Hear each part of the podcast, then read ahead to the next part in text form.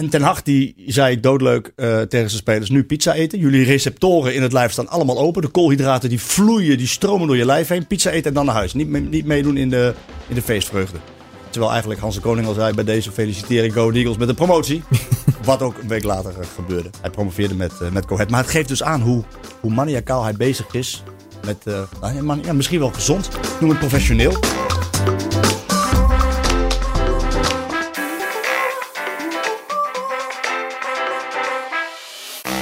Podcast Scorebordjournalistiek bespreken we wekelijks een productie van Voetbal International.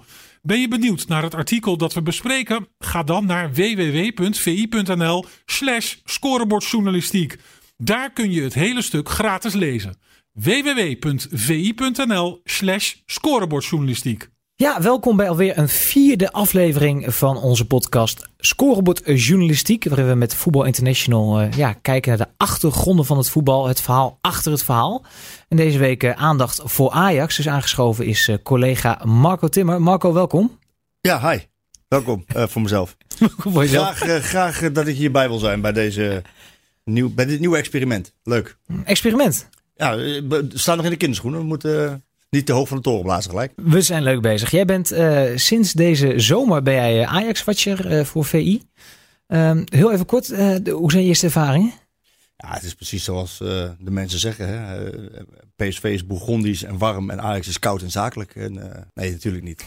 ja, nee, ja, je, hebt, je hebt die voor PSV gedaan, dus ja, misschien daarom, is dat wel zo. Nee, dat is niet zo. Ik, nee, het is, het is niet anders werken bij Ajax dan, dan bij PSV. Uh, met die verstande dat het werk aan zich natuurlijk veranderd is in de loop der jaren. Er is niet altijd meer wat mogelijk zoals je zelf graag je werk uitvoeren en invullen. Maar bij zowel PSV als bij Ajax is voor de pers nog steeds heel goed te werken. Ja, dat ervaar ik nu ook. Maar, maar even meenemen, hoeveel jaar zit jij bij VI? Ik ben bezig aan mijn 19e jaar.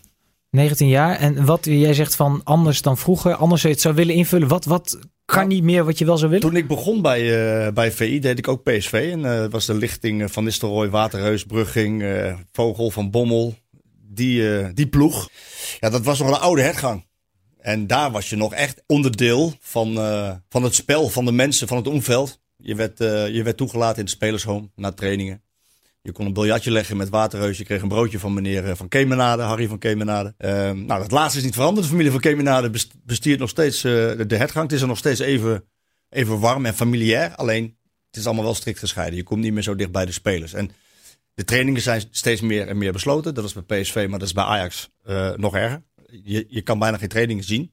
Dat vind ik persoonlijk heel jammer, om twee redenen. Je kan de groepsdynamiek ehm, niet waarnemen. Dus je kan niet zien hoe processen verlopen en waar iemand um, ja, in dat proces zich bevindt en hoe die zich daarop aanpast en gedraagt. En het tweede is dat je wat minder contact hebt met de spelers. En dat was in die tijd dat, uh, dat ik PSV deed. En praat over 2001, 2002. Uh, was dat wel. En dan gebruikte je niet alles, maar het was wel heel waardevol. En ik denk dat, uh, dat, dat voetbal in Nederland, en met name de, de spelers en de technische staf, maar ook de clubleidingen, zeer blij moeten zijn met de Nederlandse voetbalpers. Want dat het anders kan, dat bewijzen de media om ons heen, hè, met Bildzeitung of uh, Daily Mirror, Mail. De, de boulevardkranten in, uh, in, in Engeland en Duitsland. En, en wij doen daar niet aan mee. Dus ik vind het jammer dat dat allemaal veranderd is, omdat het ook zorgt voor een andere soort, soort van uh, verhalen, toch wat minder persoonlijk. Ja, dus, dus zo slecht hebben ze het nog niet. nee, de club zeker niet, nee deze week kom jij uh, uiteraard met een Ajax-verhaal. En het is eigenlijk een soort van afsluiting van een, van een periode weer. Hè? Blok 2 is dan de, de term die tegenwoordig gebruikt wordt. Ja. Neem ons even mee terug naar deze zomer en waar we nu staan, die, die, die periode. Wat, wat is er gebeurd bij Ajax? Ja, het is natuurlijk um, een, vooral, de, vooral kijken hoe, uh, hoe het vertrek van bepaalde spelers uh, moet worden op, moest, worden opgevangen. En ik weet niet hoe vaak ik de namen Frenkie, Matthijs en Donny heb gehoord. Maar het zal toch dichter tegen de duizend keer aan zitten, denk ik. En, en dat in verschillende kranten, media, buitenlandse media. Ze hebben allemaal op de voorpagina's gestaan in, in Frankrijk, Engeland, Duitsland en, uh, en Spanje, Italië. Ja, dat ging, wel, uh, het ging daar wel over. Hè. Het verlies van Frenkie de Jong en Matthijs de Ligt. De Jong naar Barcelona, de Ligt naar Juventus. Twee supertalenten. Zeer bepalend in het, uh, in het spel van, uh, van Ajax. Het dominante aanvalspel. Met name Frenkie de Jong met zijn, met zijn dribbles. Het ophalen van de bal. Links achter in de zone.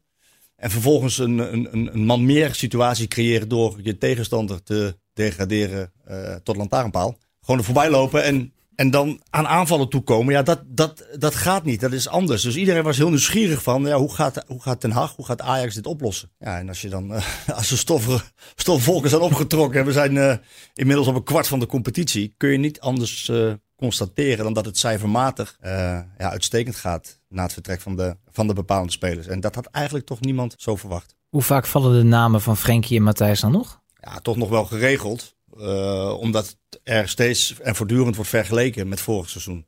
Wat Ajax vorig seizoen heeft neergezet is, is uniek. Het werd tijd dat ze prijzen gingen pakken. En dat hebben ze gedaan. Titel gepakt en, uh, uh, en de beker. Maar dat ze ook Europa betoverden en veroverden. Met, met mooi voetbal en het uitschakelen van, van gerenommeerde en grote Europese topteams. Juventus, Madrid, Bayern München hebben ze een paar keer gelijk gespeeld. Daarmee hebben ze Ajax opnieuw internationaal weer op de kaart gezet. Ja, dan zijn de verwachtingen zijn torenhoog. En uh, het was eventjes afwachten hoe, hoe dat uit zou pakken. Uh, ja. Ze zijn eigenlijk doorgegaan met, uh, met waar ze gebleven zijn. En dat is wel heel bijzonder. Kun je ons meenemen? Jij komt als journalist, kom je dan, sluit je aan bij Ajax. Je, je ziet oefenwedstrijden, je ziet trainingen, begin van het seizoen. en dan zie je Ten Hag. En Ten Hag moet proberen met een nieuw elftal. Er komen spelers bij, er gaan dus bepaalde spelers weg.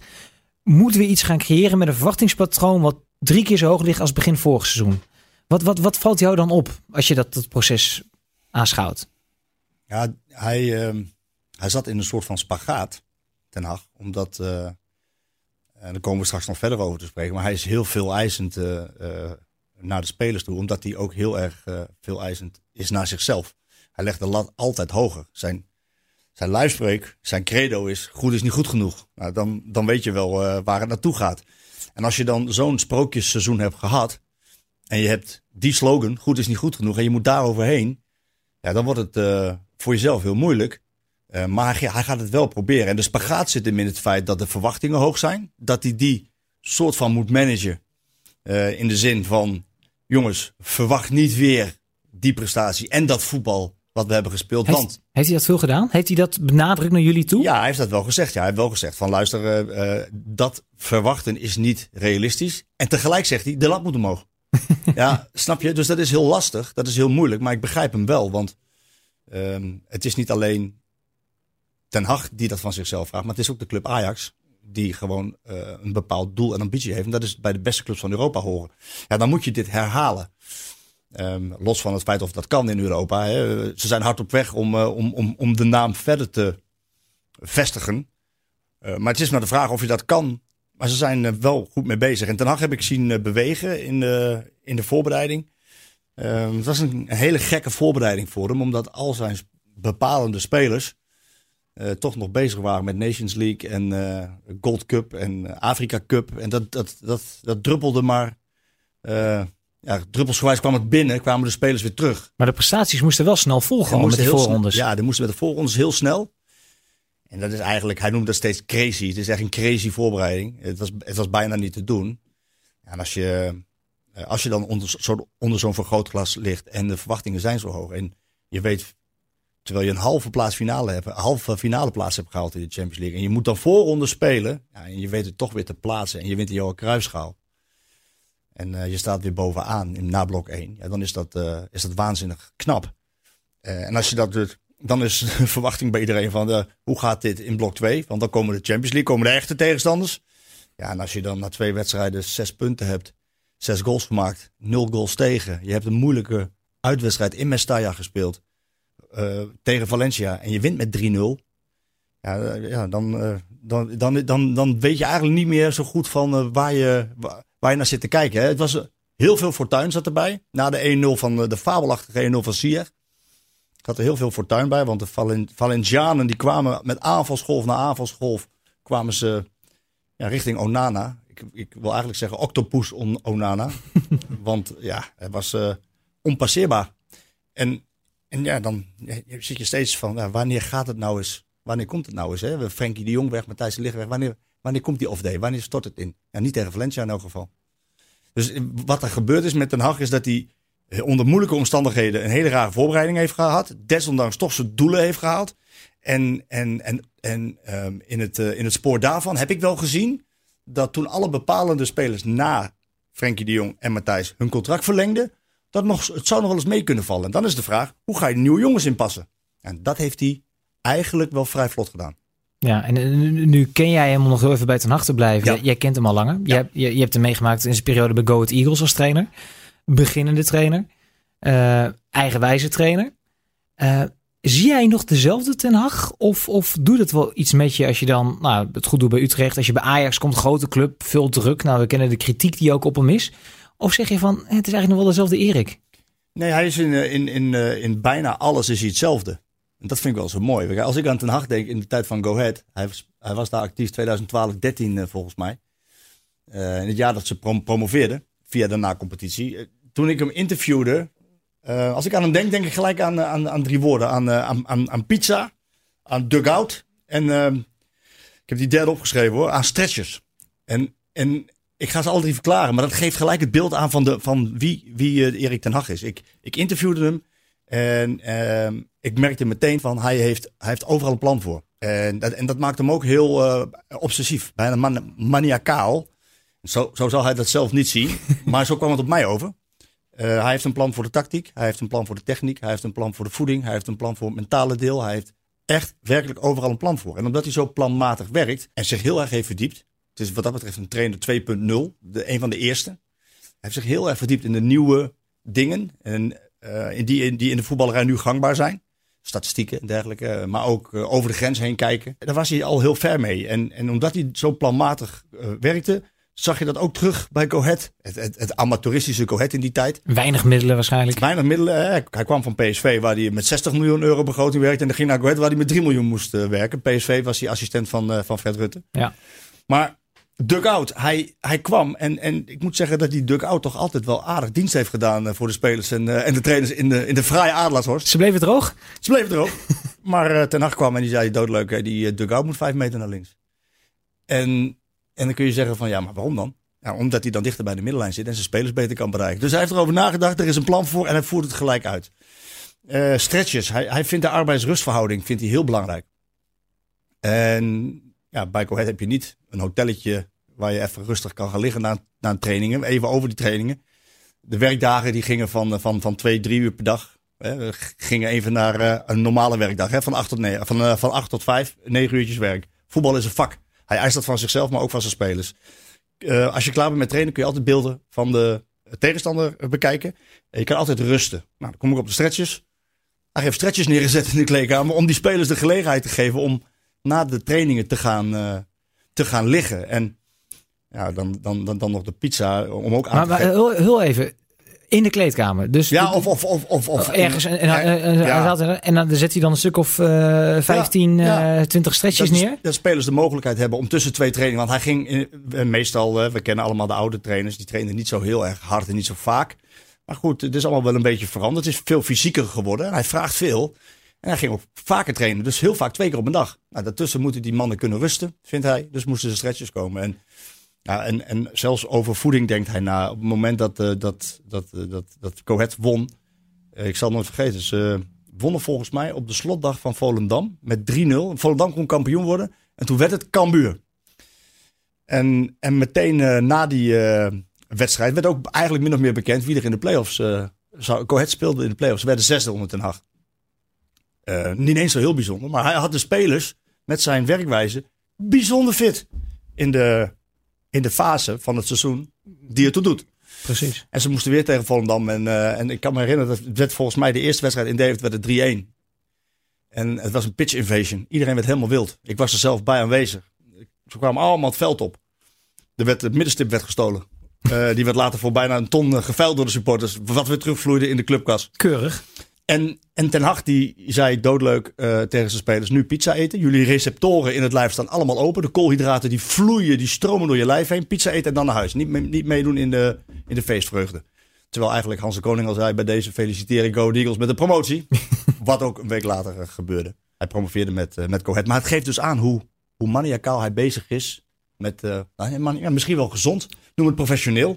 Noem het En professioneel. dunne scheidslijnen, hè? Dunne Als het, goed, als het goed gaat, is professioneel. Als het minder gaat, ben je Ja. maniacaal. En dus hij is in dat opzicht niet veranderd. Hij zegt nog steeds, goed is niet goed genoeg, het moet steeds beter. Ehm, gisteren zei hij tegen mij, na afloop van de wedstrijd tegen Den Haag, ik vroeg aan hem van, joh, van eh, 30 graden in het zonnetje Valencia en Mestalla naar het eh, Cars Jeans stadion met kunstgras. In de kou en in de regen. Het was by the way de koudste 6 oktober ooit. Ehm, en hij zei ja, maar wij zijn professionals. Wij moeten leveren onder iedere omstandigheid. En dat is dan zijn spelers zo'n topwedstrijd gespeeld hebben in Valencia. En je, en je wint dan 2-0 koud zakelijk in, in Den Haag. En je sluit blok 2 zo af. Ja, dan eh, hebben ze spelers de boodschap van Den Haag heel goed begrepen. En wat mij, waarin hij wel in is, is veranderd, is in, in dat eerste interview. We zaten in, uh, in Brasserie Kriebels. En hij, het kriebelde ook bij hem, aan alle kanten.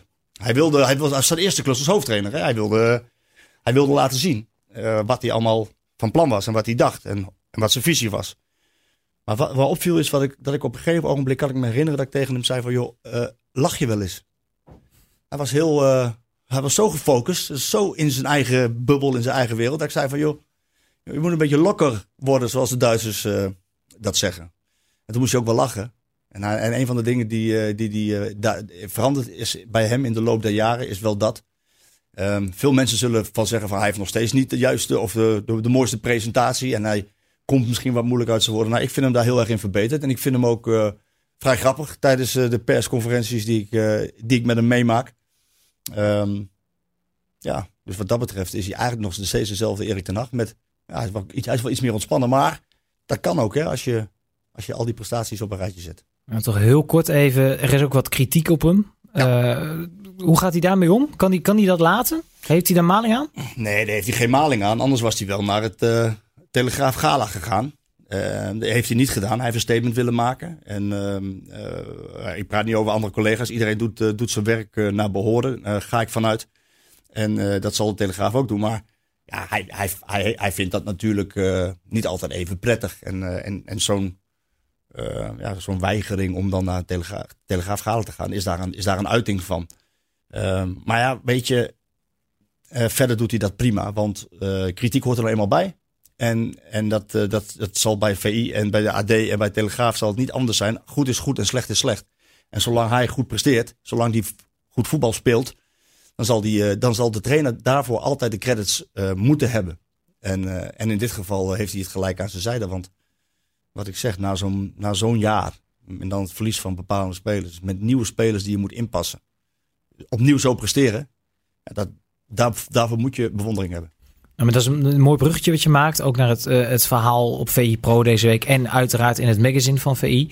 Um, hij heeft ook moeten puzzelen. Hij heeft moeten schuiven. Er zijn jongens vertrokken. Je zit met een, uh, met een middenveld, het vaak over gehad. Het, het, het blok van twee wordt het genoemd. Of eigenlijk blok van vier. Hoe zet je wie wat waar neer? Uh, jij zoomt ook in je verhaal in op bepaalde spelers. Ik neem bijvoorbeeld een Daily Blind en de veranderende rol. Ja, ja, dit, heeft allemaal met elkaar te maken. Ik, even eerst over het defensieve blok. Want ik, ik, heb vorig jaar nog PSV gedaan. Dan ging het heel vaak over het defensieve blok. Ik kreeg van Bommel kreeg flink van langs. Hè, als hij twee van die controleurs opstelde. En in de wedstrijd tegen Ajax in Arena zelfs drie controleurs opstelde. Uh, de, de hele fraaie eerste seizoenshelft van PSV werd eventjes vergeten. Waarbij ze van de 17 wedstrijden er 16 wonnen. Uh, maar Ten Hag heeft ook een verdedigend blok neergezet van twee. Het is anders nu Frenkie de Jonge, Lasse Schöne er niet meer zijn. En dus vult hij dat anders in. Hij heeft moeten puzzelen. Uh, de beginfase uh, was voor hem duidelijk dat hij op het middenveld iemand nodig had. Die strategisch kon denken en die tactisch heel sterk was. Dan heeft hij Daley Blind neergezet. Die heeft dat heel goed uitgevoerd. Alleen het was achterin. Soms um, stond de defensieve organisatie niet goed. En dan had hij eigenlijk nog een type blind nodig. Dat is een tweelingbroertje nodig eigenlijk. Ja, precies. Hij had misschien ja, hij had Danny van Stal kunnen halen. Maar Nee, maar zonder gekheid. Hij had eigenlijk nog een Daily Blind nodig. En, en in samenspraak met zijn spelers, wat ik ook een kracht vind. Hè. Ik bedoel, je moet je, ook al, ook al ben je ten Hag en heb je overal een plan voor, moet je niet blind staren op wat je zelf denkt en wat je zelf uh, vindt. En niet, niet krampachtig vasthouden aan een bepaalde visie. En je moet ook praten met je bepalende spelers. En daar heeft hij er een aantal van, die gewoon altijd belangrijk zijn. En die gaven ook aan van, um, nou misschien is het een optie om Daily Blind weer terug te halen. Maar dan zat je wel met een vacature op het middenveld. Nou, Blind heeft het sindsdien achterin heel goed gedaan. En Martinez, die op het middenveld is gekomen, dat is een centrale verdediger eigenlijk. Of in elk geval een verdediger, kan ook linksback spelen. Die heeft het ook heel goed gedaan. Dus dat heeft hij omgedraaid. Ja, dat is een puzzelstukje dat hij heeft gevonden heel, heel snel in het seizoen. En wat, uh, ja, wat heel goed werkt. Nou, dan kom je op de tweede controleur. Um, als je zo'n rare voorbereiding hebt gehad, als Ajax heeft gehad, met het binnendruppelen van die spelers, dan gaat het maar om één ding. Zeker bij Ajax. Zij willen structureel tot de top van of structureel tot de top 32 van Europa behoren. Ja, dan moet je Champions League spelen. Nou, dus dan ga je in de belangrijke voorrondes ga je wat zekerheden inbouwen. Nou, dat heeft hij gedaan met Edson Alvarez. Die gehaald is als opvolger van Matthijs de Ligt centraal achterin. Nou, door die twee op het middenveld te zetten, hebben ze de Champions League, uh, hebben ze Champions League gehaald. En, uh, en ook in de grote wedstrijden heeft hij het zo laten staan. Hè, tegen Lille, Valencia, PSV. Dus um, dat, is, dat is een puzzelstuk dat hij heeft gevonden. Maar hij tornt er al wel aan in de eredivisie. Omdat er ook, in plaats van verdedigend gedacht, moet ook in, Amsterdam heb je twee dingen. Je moet prijzen pakken, maar heel goed, goed en mooi voetballen zitten heel kort achter. Nou ja, en met een, met een Donny van de Beek op de plaats van Alvarez heb je meer een voetballer. Nou, en als Van der Beek dan op het middenveld naast Martinez verschijnt, dan heb je voorin weer ruimte voor al je sterren. Neres, Ziyech, Tadic en Promes is daarbij gekomen. En dan heb je Huntelaar nog op, op de reservelijst, een gretige Huntelaar. Dus hij is aan het schuiven. En, en, en in de eredivisie lijkt het erop dat hij met, met Donny van der Beek naast Martinez speelt. En in de grote wedstrijden heb je Net als de Tadic variant heb je nu de Edson Alvarez variant met Alvarez op het midden. Dan zie je dat het past en dat het kan. En heeft hij vrij vlot gedaan. Nou, hij presteert daar ook mee. Uh, nogmaals, niet alles is even goed. Hè, want de eerste helft Fortuna, de eerste helft Herenveen. Uh, tegen Groningen duurt het heel lang voordat ze scoren. Maar cijfermatig is het wel goed. En, en het is anders, omdat Frenkie de Jong weg is. En Daley Blind heeft daar nu een, uh, ja, een hele bepalende rol in. Hij is natuurlijk altijd al belangrijk met zijn passing. Maar nu nog meer. En we hebben dat cijfermatig hebben dat uitgezocht. Maar je ziet gewoon dat bijna alle aanvallen beginnen bij hem. De opbouw begint bij hem. En hij heeft het vermogen om dwars door linies heen te kunnen spelen. En, en uh, daar praten ze over met elkaar in de groep. Daar heeft hij het over met Tadic en met Ziyech, met wie hij al heel snel een goede klik had. Maar nu ook met Promes. Van, in het begin wist Promes niet dat, dat Blind die ballen blind door de linies heen zou spelen. Maar dat doet hij wel. Zonder te kijken speelt hij soms een bal dwars door linies heen. Als daar ruimte ligt. Nou, hij praat daar in VI ook zelf over. En hij vindt uh, dat hij met iedere bal die hij geeft, uh, moet hij een boodschap meegeven. En dat vond ik wel heel mooi. En dus is het anders. En, en is het minder sprankelend soms dan, uh, dan, dan vorig seizoen. Maar we zijn ook pas kort in het seizoen en dat ontwikkelt zich nog wel. Daar zit er rek in? Ja, tuurlijk. Die jongens die op die plek staan, centraal op het midden. Daar heb ik het even met Ten Hag over gehad. Daar, die, die, gaan, die kunnen echt nog beter. En zo'n Martinez moet wennen aan die rol. Ik heb gezien dat het al een fantastisch verdeelstation is. Die in plaats van de dribbles van, uh, van, van Frenkie de Jong, het van zijn passing ook moet hebben. Dus het is aannemen, pasen. Aannemen, doorspelen. En hij opent zowel naar links als rechts. En dat kan hij ook heel goed. Nou, dan heb je Alvarez daarnaast soms die, die met diepgang ook vaak in, uh, in strafschopgebied komt. Heeft ook al twee keer gescoord. Dus, uh, maar um, Alvarez komt bijvoorbeeld misschien weer wat handelingssnelheid tekort in het voetballende deel. Verdedigend goed. Uh, niet altijd, overigens, maar bijna altijd. Maar in het, in het uh, handelingssnelheid komt hij iets tekort. Nou, daar moet hij in verbeteren. Maar dat kan wel, want die jongen die staat daar bij Ajax pas net. Moet wennen aan andere taal, ander land, andere speelwijze, andere teamgenoten. Nou, geef hem de tijd. En dan gaat hij daar, uh, dan gaat hij daar beter presteren. In de podcast Scorebordjournalistiek bespreken we wekelijks een productie van Voetbal International. Ben je benieuwd naar het artikel dat we bespreken? Ga dan naar www.vi.nl slash scorebordjournalistiek. Daar kun je het hele stuk gratis lezen. www.vi.nl slash scorebordjournalistiek. Jij, jij spreekt de trainer, jij spreekt de jongens wel eens. Wat, wat, wat ik me dan afvraag, iemand als Donny van der Beek, fantastisch gedaan op 10. Uh, ja, Nederland zelf al naar Real Madrid was uh, meer dan geïnteresseerd, laat het zo zeggen die wordt dan nu op 6 gezet. En dat voelt ook soms een klein beetje wat je net aangeeft om ook voorin iedereen een plekje te kunnen geven. Kun jij in het hoven van de B kijken? Is dit nu dat hij zegt van lekker op 6? Of zeg maar lekker op 10 neer, waarbij ik meer doelpunten ga maken, waar ik nog bepalender ga zijn in die laatste fase? Het, politiek correcte antwoord is natuurlijk, ik doe het voor het team en zo hoort het. Maar jij als iemand die de jongens wel spreekt? Ja, we hebben uh, afgelopen week hadden we een groot interview met Van de Beek in het blad. En dan praten we daarover met hem. En hij, uh, hij zegt, hij zegt uh, het maakt mij oprecht niks uit waar ik speel op het middenveld. Maar geloof je hem? En hij zei er achteraan, anders zou ik het zeggen. Um, ik denk dat als hij op 10 staat, dat hij van meer waarde is. Omdat hij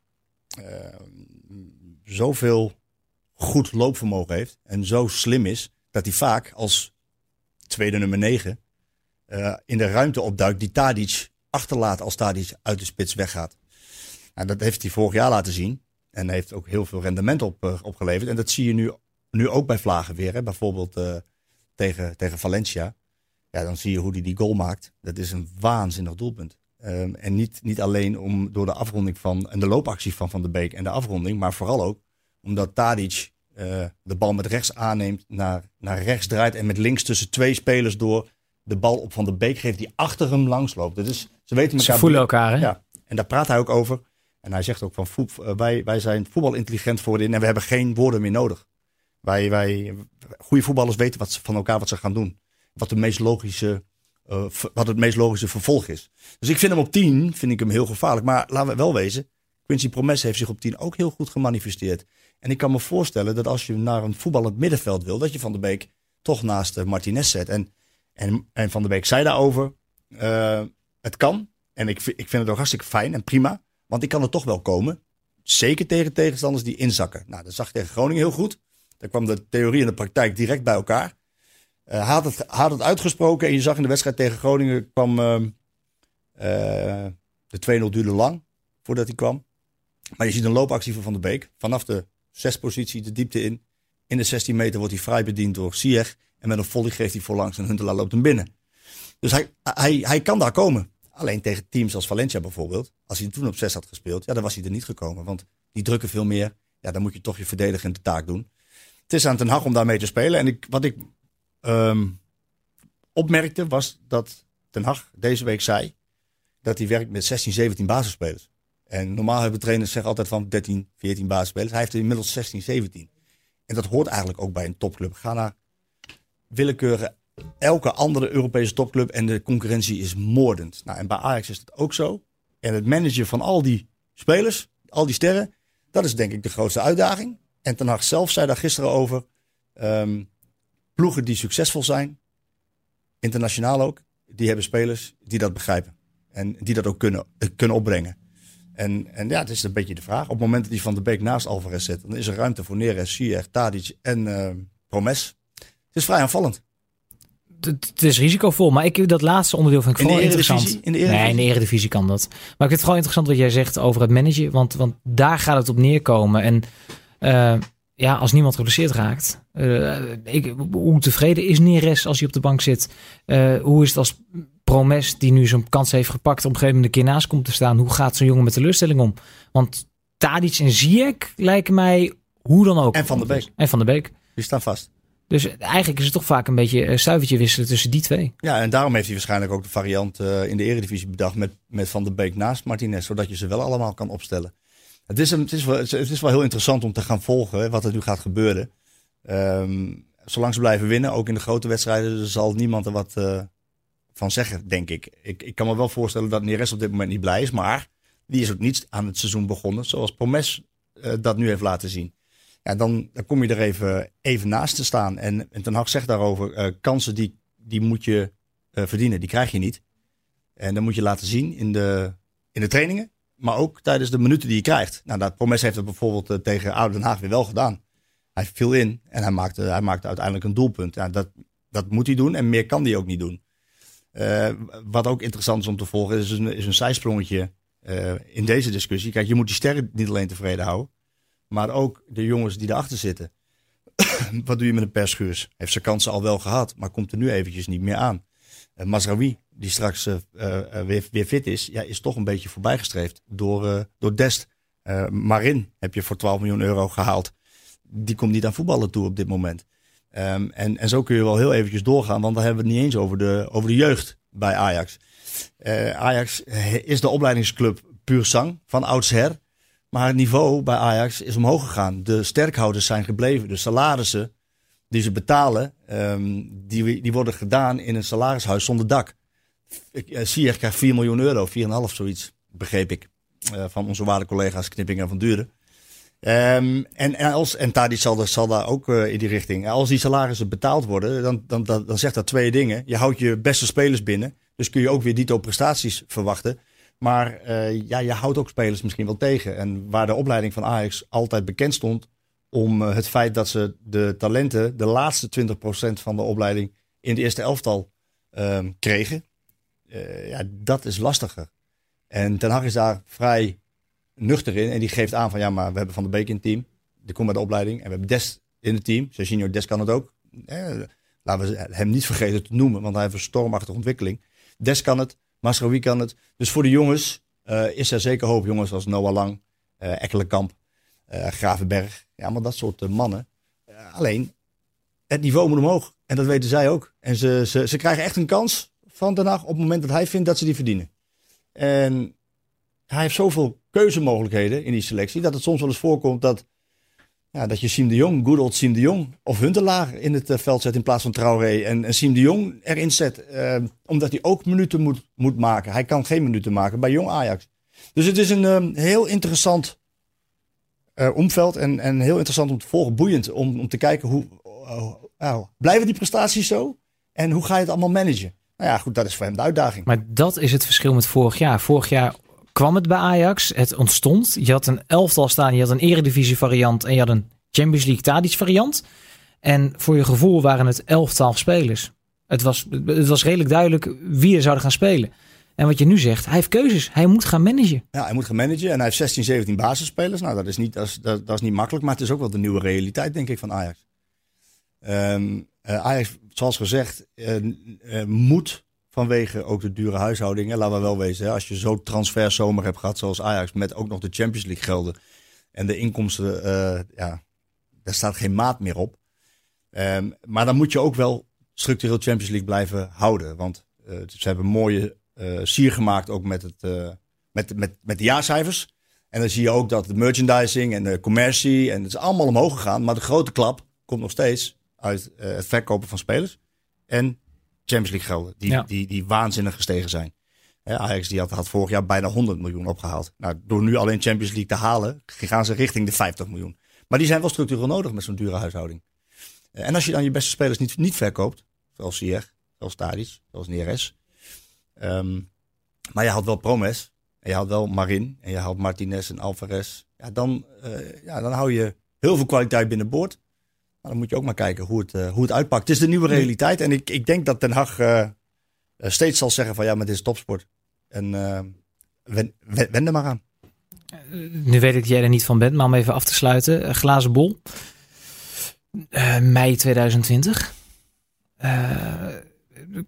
laat je niet ontlokken waar Ajax komt in, in Europa. Maar Blijft dit zich voortzetten? Gaat, uh, staat, Ajax, staat Ajax met een, met een schaal in de handen en... Uh...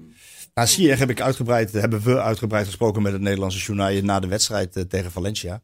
En, uh, en ja, dan, ik, vroeg ik hem ook van, wa, wa, wa, wanneer stopt het? Wanneer eindigt het? En um, zijn jullie al een Europees topteam?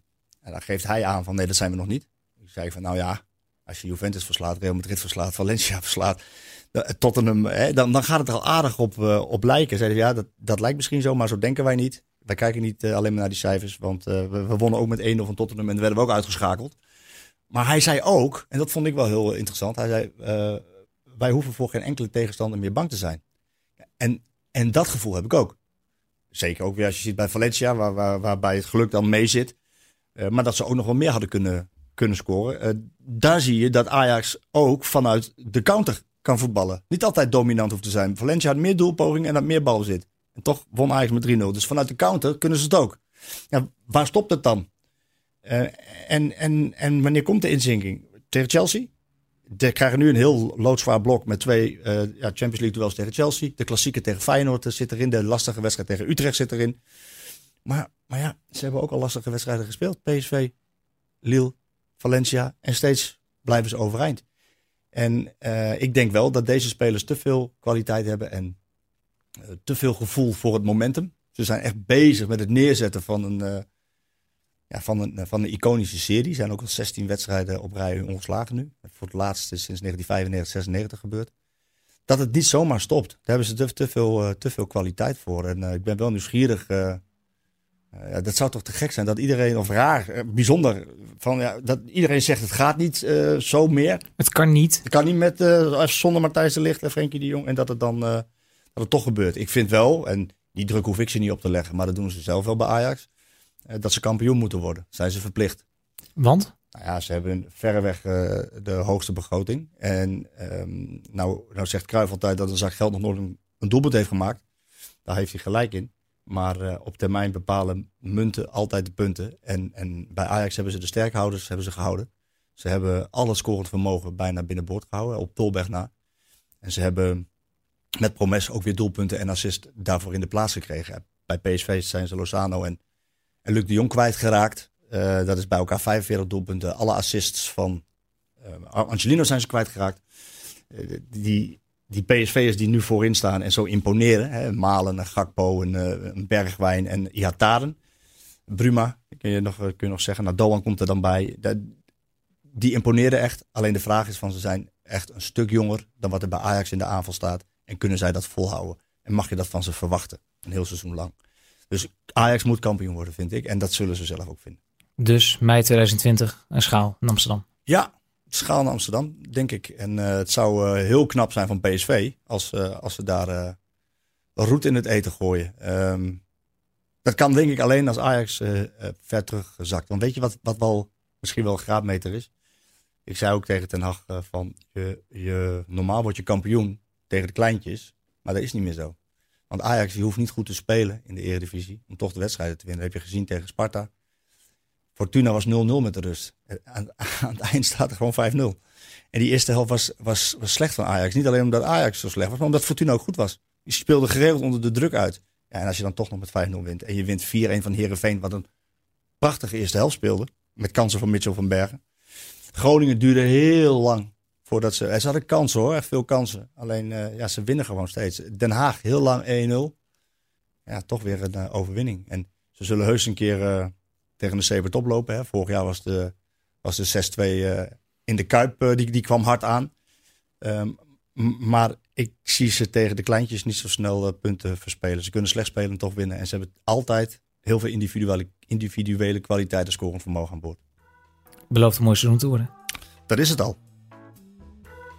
Wil je nou meer weten over Ajax, Erik ten Hag en zeker ook over de spelers die een uh, sterke ontwikkeling doormaken in Amsterdam?